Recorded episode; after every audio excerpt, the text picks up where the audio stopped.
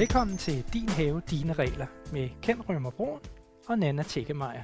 I denne serieepisode af podcasten kan du høre højdepunkter fra vores talk på Rosenscenen under årets CPH Garden, haveselskabets store havefestival. Velkommen til.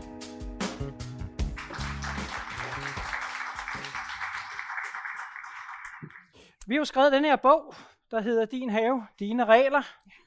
Hvorfor har vi det? Jamen, øh, det startede jo egentlig med, at det i virkeligheden inspireret af dem, jeg kender, som er på sådan omkring min alder og lidt yngre. Der er rigtig mange, hvor vi har boet i byen, og så har folk fået hus og have, og fordi jeg var haveredaktør, så for det første, så skulle man hjem og se den der have, de havde fået, så var de sådan, åh nej, og den ser også helt, og alt er forkert. Og så spurgte de også meget tit om, hvad de måtte i haven. Altså noget med, om, om jeg må vel ikke klippe i træet nu, og ej, det der må man vel ikke, og jeg må vel ikke have alt det mos. Og jeg har jo lidt den der tilgang med, det bestemmer du jo selv. Det er jo din have. Du, der er jo ikke noget, man ikke må. Der er selvfølgelig være nogle ting, hvor man kan sige, det er mere eller mindre hensigtsmæssigt, men, men jeg synes, der var mange, der havde sådan en øh, autoritetstro, som om der et eller andet hemmeligt sted er der sådan en regelbog, og alle naboerne har læst den, og de kan kigge på din have, og så de siger, du har ikke læst den, og det du gør, det er nok helt forkert. og så tænkte jeg, at jeg ville egentlig gerne lave noget til dem, hvor der både blev øh, forklaret selvfølgelig nogle af de der øh, ting, man har brug for at vide, men hvor vi også kiggede lidt nærmere på nogle af de ting, som måske faktisk ikke er så vigtige i en privat have, men som måske er noget, man har taget med sig fra havedyrkning i havebrug, eller fra den gang, hvor det var meget vigtigt, om dit æbletræ gav 10% mere eller ej, fordi du skulle faktisk bruge det for at overleve. Øhm, og kender jeg, kender jo hinanden ja. fra tidligere. Øh, vi har arbejdet sammen, og han øh, kører jo også sit eget program hjemme i Hjortespring, og så ja. tænkte jeg, øh, lad os prøve at skrive den her sammen, og prøve at inspirere folk og give dem mod på at gå i haven på deres egen måde. Ja, fordi altså, vi kender det jo alle sammen. Roserne i haven, så er vi jo nået til april måned, og så skal vi ud og beskære alle roserne, ikke? Er det ikke rigtigt? Den skal lige have en ordentlig omgang, fordi det har vi jo læst og lært. Men altså, hvis vi nu lader være med at beskære dem, hvad sker der så? Så vokser de lidt mere, og så blomstrer de jo alligevel det er jo det her med, hvad, hvad vi tager med os, og hvad der egentlig ligger i, hvad vi skal gøre, jo. eller ikke gøre, eller behøver at gøre. Helt sikkert. Så hvis man har det her sådan lidt løse indstilling til at vil dyrke sin have, så gør det. Jo, og det er jo også noget, som øh, nogle af de der regler, for eksempel det der med, der er alle mulige mærkelige regler også omkring roser, at de skal klippes, når bøgens blade er som museører, har jeg engang hørt. Så er det ligesom det rigtige tidspunkt. Og, og man kan sige, at nogle af de her regler, det er jo, altså det, altså for det første, hvor stort er et museøre, men nogle af tingene er jo også måske levn fra et tidspunkt, hvor vores klima var lidt anderledes. Og grunden til, at vi venter med at klippe roserne til foråret der, det er jo, fordi man skal finde det rette, den rette balance mellem. Der er ikke så meget frost, så de bliver frostet helt ned til sokkerholderne, så man må ikke klippe dem for tidligt. Men de skal heller ikke være kommet alt for meget i gang, fordi så, så trætter du dem, eller hvad kan man sige, svækker dem ved at klippe væk, ikke? Jo, jo, eller sidste år, det vil jeg ikke, om I husker, Men, det var jo frostvær, ikke? Ja. Sådan rimelig sent. Og det vil sige, havde man klippet roserne, som der stod, så ville de jo fryse igen. Ja, og i år kan man sige, der har det været altså, frostmæssigt mildt, ikke?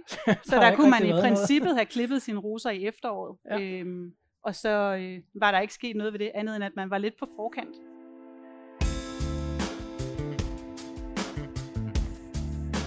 Men jeg ved ikke, om vi skal dykke ned i et af de emner. Vi har jo prøvet, når vi skulle sammensætte det her foredrag, har vi prøvet at vælge lidt nogle emner ud, hvor vi synes, som vi også gennemgår i bogen, at der er mange regler. Og et af dem, øh, hvor jeg synes, der er rigtig mange regler, det er græsplænen. Ja, det er rigtigt. Græs, puha. Og ikke mindst mos. Altså, hvem har ikke mos i sin have? Ja. Mm-hmm. Det er nemlig pænt. Ja. Altså, altså, så kan man smide sine sandaler, ikke? og så kan man jo vade rundt på det her mm-hmm. mos, og det er jo blødt at gå på. Og så er det grønt, og ja. det er smukt. Og udfordringen er jo, hvis man har unger, eller man selv synes, det er sjovt at spænde rundt på den her plæne, ikke? fordi så forsvinder det her mos. Det bliver revet op i, i store klumper. Men mos er jo egentlig, egentlig smukt. Ja, ja. det er dejligt. Jeg har meget mos. Ja, men jeg synes også, det er så flot og grønt og men, dejligt blødt. Men vi hører rigtig meget det her med, har man mos i sin plæne, så skal det jo kalkes, ikke? Bare smide en masse kalk på. Og så, bliver, ja, så forsvinder det jo af sig selv nærmest. Ja. Og det har jo lidt at gøre med det her syre-base-balance-forhold, mm. der er i, i jorden. At hvis man har de her en, en lidt sur jord, så vil man også rigtig gerne have mos. Men altså, det er jo måske nærmere også et, et skyggemæssigt problem. Ikke? Mm. Så. Jo, altså det der, øh, det er også noget, vi kommer lidt ind på. Det der med sådan helt ukritisk at kyle kalk på plænen, det, det har jeg set som sådan et råd, at den skal have kalk hvert år. Og det er måske ikke det bedste råd, fordi øh, hvis din plæne bliver basisk, så trives græsset jo heller ikke. Så det er jo også et spørgsmål om at finde balance. Ja, og der ligger også det, at hvis man kommer til at give for meget kalk, så er jorden jo lige pludselig blevet basisk og ikke neutral. Og det, det er altså sværere at gøre en basisk jord neutral, end det er at gøre en sur jord neutral. Men ellers så er det jo bare om at give haven lidt gødning, og så øh, sørge for at klippe den, og ja, behandle den godt. Ja, så har man en det det. Men Ken, du har jo også kørt den der øh, hjemme. Altså jeg er jo... Øh, jeg lever jo, kan man sige, gennem andres haver, for jeg har faktisk kun adgang til en altan at dyrke på, og så har jeg så lige fået en nyttehave også. Øh, men Ken, du kører jo øh, blomsterengstilen i noget af din have. Ja, det gør jeg. Og hvordan er du lykkedes med det? Fordi jeg tror, der er flere, som har prøvet det der med at smide nogle vilde blomsterfrø, og så se for sig sådan et eller andet øh, smukt overdrev, og så bliver det bare til Ingenting. Ja, ikke det, man så for sig i hvert fald. Det ved jeg ikke, om der er nogen, der kender. Nej, man kan købe de her øh, forskellige frøblandinger, hvor man har et flot billede, og så ser man den her blomstermark på. Ikke? Og det er jo det billede, man godt vil have. Det er bare ikke det, man får. Man får måske en enkelt stafut der og lidt her. Og det er jo fordi, at, at, frøfirmaerne vil rigtig gerne sælge en drøm, og vi vil godt have den drøm, men det kræver bare virkelig arbejde. Så hvis man vil have det i sin græsplæne, så skal man skrælle græsset af, og så kan man begynde at eksperimentere med, med et bart lærred. Nu bor jeg i, jeg bor ikke så langt derfra, jeg bor oppe i Jorspring, i et moseområde, og jeg gjorde det her for et par år siden, at jeg skrællede sådan 6 gange 6 kvadratmeter af. Jeg har en ret stor have, så der var plads til at eksperimentere. Og jeg tog så nogle frøblandinger og dryssede ud. Og ja, der kom lidt. Der kom jo ingenting i forhold til, hvad der var på denne her park. Det var sådan lidt et forsøg. Nu her, nu er der gået et par år, så nu er der kommet nogle af de toårige. Det vil sige, der er nogle studenternelikere og sådan noget. Øh, hvad laver det i min vilde have? Ikke? Altså, der er ikke meget med vild have at gøre. Mm. Til gengæld, så er der kommet kællingetand af sig selv. Og de bidrager rigtig godt til det her med, at der kommer insekter i haven også. Så måske er et godt råd, at man går ud og kigger lidt på, hvad der er i ens nærområde af planter. Og så måske her i sensommeren høster nogle af de frø og smider rundt ind i sin have. Eventuelt ved at skrælle et stykke af af, af, af græsset. Mm. Og så lykkes det. Ja. ja. Jeg har så mange sommerfugle i min have nu. Nana, ja. du var inde på det her med, med klima. Ja. Der har også altid været det her med, at når man køber en stavte i foråret, ja. så skal den i jorden med det samme. Men er det mm. det rigtige tidspunkt at plante øh, stavter på? et bedre plantetidspunkt er faktisk om efteråret. Og det er, der sikkert, det er der sikkert også mange, der måske allerede ved, men jeg synes bare, at vi har valgt at understrege det, for det er blevet endnu vigtigere nu. Og hvis man planter om foråret, så skal man nærmest vande lige så meget, som hvis man plantede om sommeren nærmest, i den, i den der tørre periode. Og så kan man vælge, at, hvis der er spagnum om rødderne, så faktisk få så meget som muligt af det af, fordi hvis det først tør op, og du sætter klumpen ned i, så er det svært at vande planten igennem, og det kan godt... Øh, selv når den er plantet ud i jorden, kan det godt stadigvæk hæmme vandoptagelsen og hæmme, at den trives godt, når man får den ud i haven. Og så er det jo et spørgsmål om at vælge. Altså jeg tænker, der er mange her, som har haft have i lang tid. Men det er egentlig både et godt råd til dem, som skal have en ny have, og dem, som egentlig har haft i lang tid, at de planter, som trives før, det er måske ikke de samme, man kan have mere, så i stedet for, at man øh, prøver at blive ved med at prøve at vande og få det til at lykkes, man måske enten har eller har sat sig i hovedet, man vil have, så, så tag et kig og sig, hmm, hvad er det egentlig for vilkår, jeg har, og hvad kan trives her? Fordi det, der trives, det er altid flot. Altså man kan godt have en idé om, man vil gerne have en bestemt plante, men hvis den ikke trives, så, så bliver den aldrig det, man, man alligevel havde håbet. Så det er bedre at vælge noget, der trives, hvilket mange godt ved. Og så har vi også, er vi også inde på sådan noget med at komponere blomsterbede og sådan noget. Og der synes jeg også, det er vigtigt at sige, at det vigtigste er jo, at man har noget, man er glad for. Hvis man synes, det er mega fedt at sidde og lave sådan farveplaner for sine billeder. Det er der sikkert mange af dem, der kommer på den her festival, der synes. Men for mange andre kan det godt virke meget uoverskueligt, hvis du skal ligesom have en eller anden farvecirkel og sammensætte det hele ud fra og gennemtænke det hele på forhånd. Og der vil vi gerne slå et slag for, at øh, for de mismatchende bede, for de bede, hvor man øh, bare har en rød tulipan sammen med noget lilla og noget pink, fordi den synes man bare var så dejlig, eller den klarer sig rigtig godt i haven, det skal man bare have, og man skal ikke øh, lade sig begrænse af farvecirkler og sådan noget, hvis man synes, det ligesom er noget, der, der mere dræner, end det hjælper. Altså alle de der ting og regler, man læser om, eller går op i, det skal jo være et hjælpemiddel. Det skal jo ikke være noget, der hæmmer en. Ja, altså selv, selv en lille plante, man har købt ned i Netto, ikke? det kan jo også være haveglæde. Det er jo lige der, vi skal hen på det spor. Altså da jeg startede i sin tid, der var det jo også med netop en plante et eller andet sted fra. Mm. Det var min første stavte mand, altså helt ærligt. Det var da vildt glæde for mig. Det her med, at man havde den der, den blev plantet i et bed hjemme i min lille øh, rækkehushave ja. dengang. Og jeg var altså mega stolt. Mit første stavtebed. Ja. En stavte. Det her med, at vi også snakkede om at, at, at få tingene til at trives og, og plante på de rigtige tidspunkter. Man, man kan jo faktisk godt gøre noget selv. Jeg har jo lige lavet tre enorme stavtebede derhjemme. Og med en masse stavter sat i, men jeg har sat det i en jord, som jeg har gjort klimavenlig. Kan man ikke sige det? Så jeg har blandet lidt vasket grus i, og jeg har blandet kompost i den sandjord, jeg har der, hvor jeg bor. Og det har så gjort, at indtil videre, der er ikke faldet meget vand i vores område her, skal jeg lige hilse at sige. Jeg har ikke vandet endnu, og de trives. Altså, I skulle bare se, hvordan er min bede ser ud nu. Jeg vil sige, jeg øh, gerne prøve at plante lidt nogle nye idéer og sådan noget hos folk, men jeg har faktisk lavet et dogme for mig selv i år, fordi jeg har meget lidt plads, men jeg er også meget, øh, min øh, driver for det grønne, det er helt klart at eksperimentere. Jeg er meget eksperimentlysten, og jeg havde ligesom fået lavet på mit meget lille space på min altan, der havde jeg fået lavet sådan en meget flot beplantning af flereårige ting. Og det var bare sådan lidt, nå, altså, så, hvad skal jeg så lave?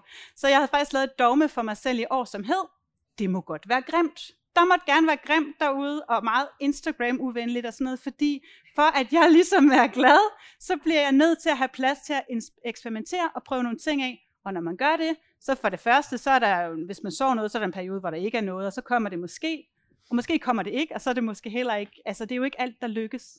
Men jeg synes, det er, altså, øhm, det er virkelig det, som er mit store budskab med den her bog, og håber også til andre, at, at man skal have det sjovt med det, og man skal finde ligesom ind til den ting, hvad er det, der gør det sjovt for mig. Og jeg kan bare opdage, at for mig personligt, så er det faktisk ikke så meget design, som det er sådan lidt øh, Dr. Frankenstein-ånd med, lad os se, hvad der sker, hvis vi gør det her, og lad os prøve det her. Og jeg prøver alle mulige ting, og, og have tre kvart gange lykkes det måske, og så nogle gange lykkes det ikke. Og hvis man har det sådan, så tror jeg bare, at man bliver meget gladere for at gå den vej, i stedet for at stræbe efter, at man skal have sådan noget meget koordineret. Og, fordi det er, jo, det er jo tit, mange ens planter er jo rigtig flot, men hvis man er sådan en som mig, så er det bare ikke det, der gør det sjovt. Så der tænker jeg også, at man skal give sig selv plads til at leve sit haveliv på sin egen mm. måde. Og hvis man synes for eksempel, at man bare får vildt meget glæde af en græsplæne, der bare ligner en golfbane, så er der jo heller ikke noget galt i det. Altså det er som om, jeg synes nogle gange, det bliver stillet op sådan, jamen nu skal vi lave vild med vilje, og så er det ligesom kun det, der dur. Og det synes jeg, der skal man embrace det, man godt kan lide selv, og stå ved det. Og hvis ens nabo har en golfbane, og man selv har en vild med viljeplæne, så skal man bare sige, det har jeg valgt. Hmm. Det er mit valg, og det skal man ikke være flov over. Man kan jo også bare eksperimentere altså med, med de planter, man nu har drømt om. Planten ned i sin have, og så går det, så går det, og går det ikke, så går det ikke. Og det, det er min egen erfaring, flytter ned i den her have. Jeg kendte ikke jorden. Vi boede ellers tidligere i 21 år, kun 800 meter fra det sted, vi har købt nu. Og der, var, der havde vi lærjord, svær lærjord. Vi flytter ned et sted, hvor der er sandjord. Jeg kunne måske godt have set, at det var sandjord, men tænkte ikke yderligere over det. Så alt blev plantet i sandjord. Og halvdelen af det døde jo. Jeg har ikke sat mig ind i jorden, men, men det skulle ikke forhindre mig i, at jeg fik en hel masse planter hjem af dem, jeg havde drømt om og så sætte den i de her bede, for at se, at stille og roligt, så døde de. En efter en, ikke? Dyk, dyk, dyk, dyk, dyk, dyk. Men omvendt, det der så var tilbage, det var så det, der trives i den her tørre sandjord. Som en mands tro eksempelvis. Eller fagbælg, som også er rigtig flot, sætter dybe rødder op på det her med klima. Ja. Så det kunne man jo også øh, overveje, hvis vi er ude i de her ekstremer. Det er ekstremt, ikke? Altså vi mærker jo klimaforandringerne. Og så få plantet noget, som går i dybden, hvor rødderne rent faktisk godt kan hive vandet op. Ja. Det kan farvebæl. Baptisia.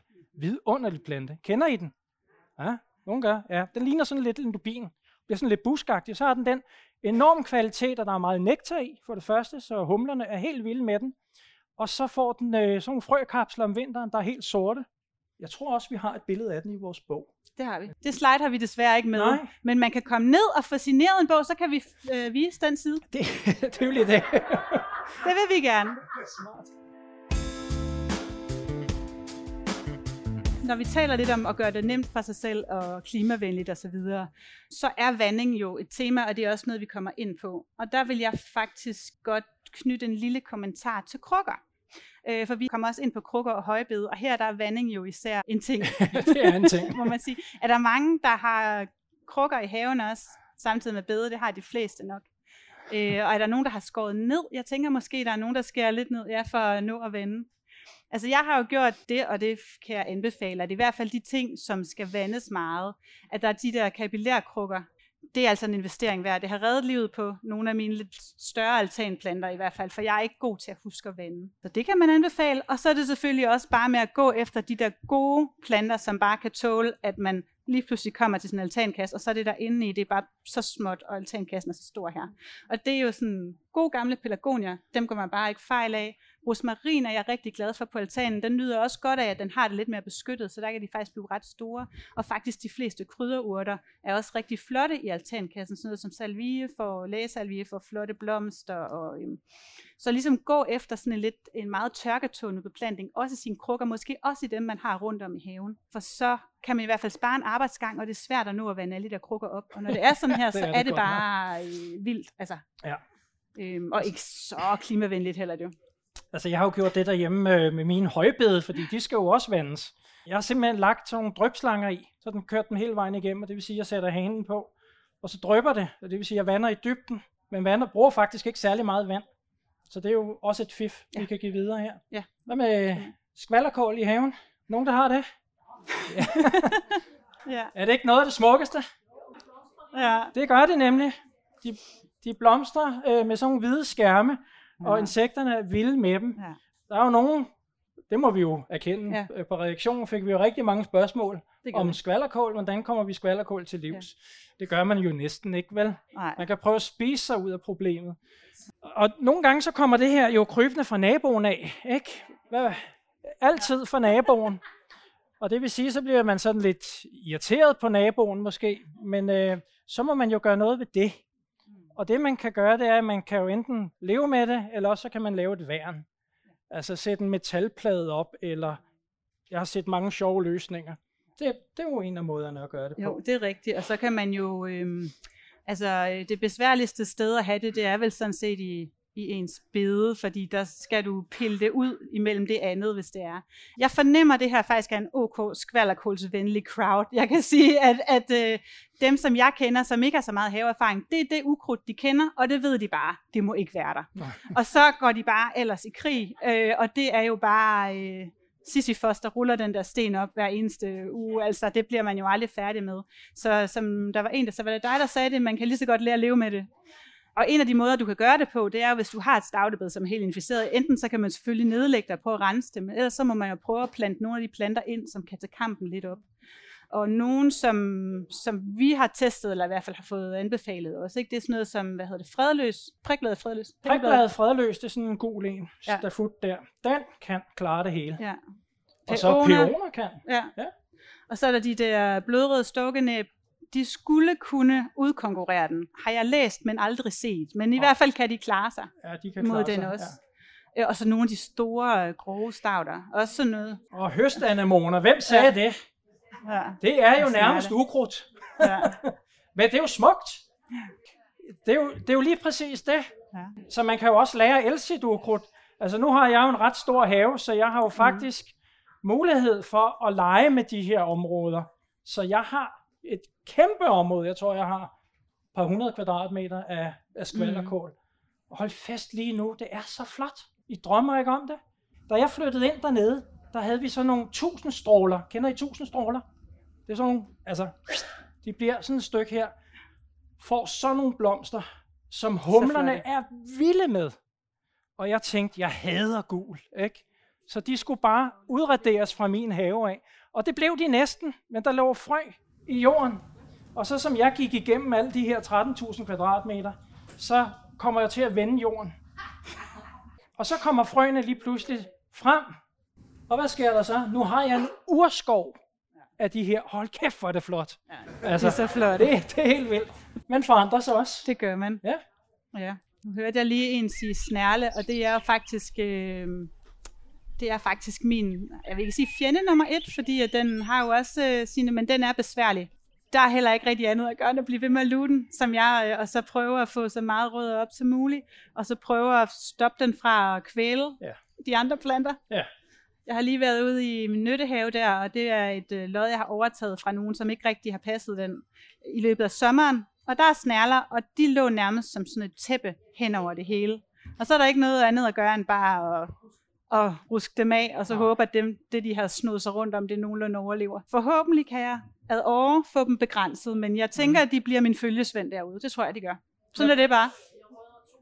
Ja, ja, jeg tror også, det er øh, oppe bakkekamp, det der. Ja, det er Men det. altså, så må det jo være det. Så må det være det. Ja, så du man kan jo så espaliere dem sammen med nogle bønder ja. eller sådan noget. Ja. ja, de er jo smukke. Det er de. Jeg tænker på det her. I ved, når man beskærer et æbletræ, altså jeg ved ikke, hvorfor I beskærer jeres æbletræer, men øh, jeg beskærer jo for at få frugten ned, så jeg kan plukke den.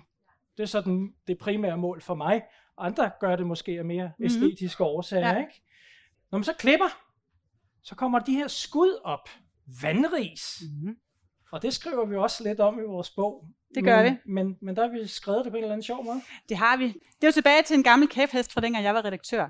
Fordi at de fleste de skriver vandris uden det VAN, altså ris ligesom noget, der er vandskabt.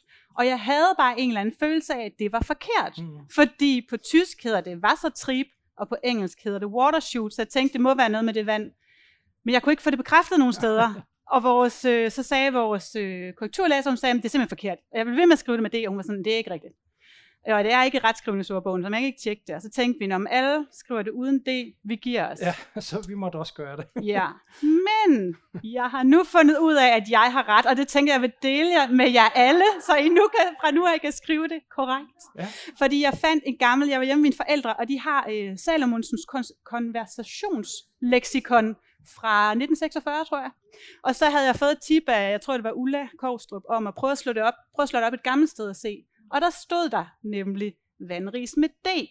Og det var så fordi man mente, og det ved jeg ikke om er korrekt, for jeg tror mere, det har noget at gøre med væksthormon i toppen og bunden, af, altså i rodspidser og skudspidser, der gør, at den laver de lange der. Ikke?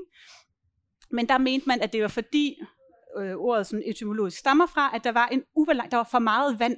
Træet havde for meget vand, og så lavede du de der lange vandskud. Og så stod der til sidst, øh, stavemåden vandris uden det, ses ofte men er ikke korrekt. Og jeg var bare så glad. Så hvis I, hvis I skal tage kampen op mod nogen øh, stavemæssigt, så kan I nu sige, ja. at øh, det ved vi fra Salomonsen, og det er simpelthen sådan en, øh, en modernisering. Ja. Men hvis vi skal vende tilbage til det der med øh, et overskud af vand, så er det jo ikke helt derfor, der kommer vand, øh, vandskud. Men grunden til, øh, man siger, at der kommer flere vandskud, hvis man beskærer om vinteren, altså eller tidlig forår, versus sommerbeskæring. Og grunden til det, det er, at der skal være en balance imellem øh, væksthormon. Der er noget i rød, øh, hvad hedder det, rødspidserne, og så er der noget i bladspidserne. Og der søger træet ligesom at have en balance, sådan så roden passer til toppen.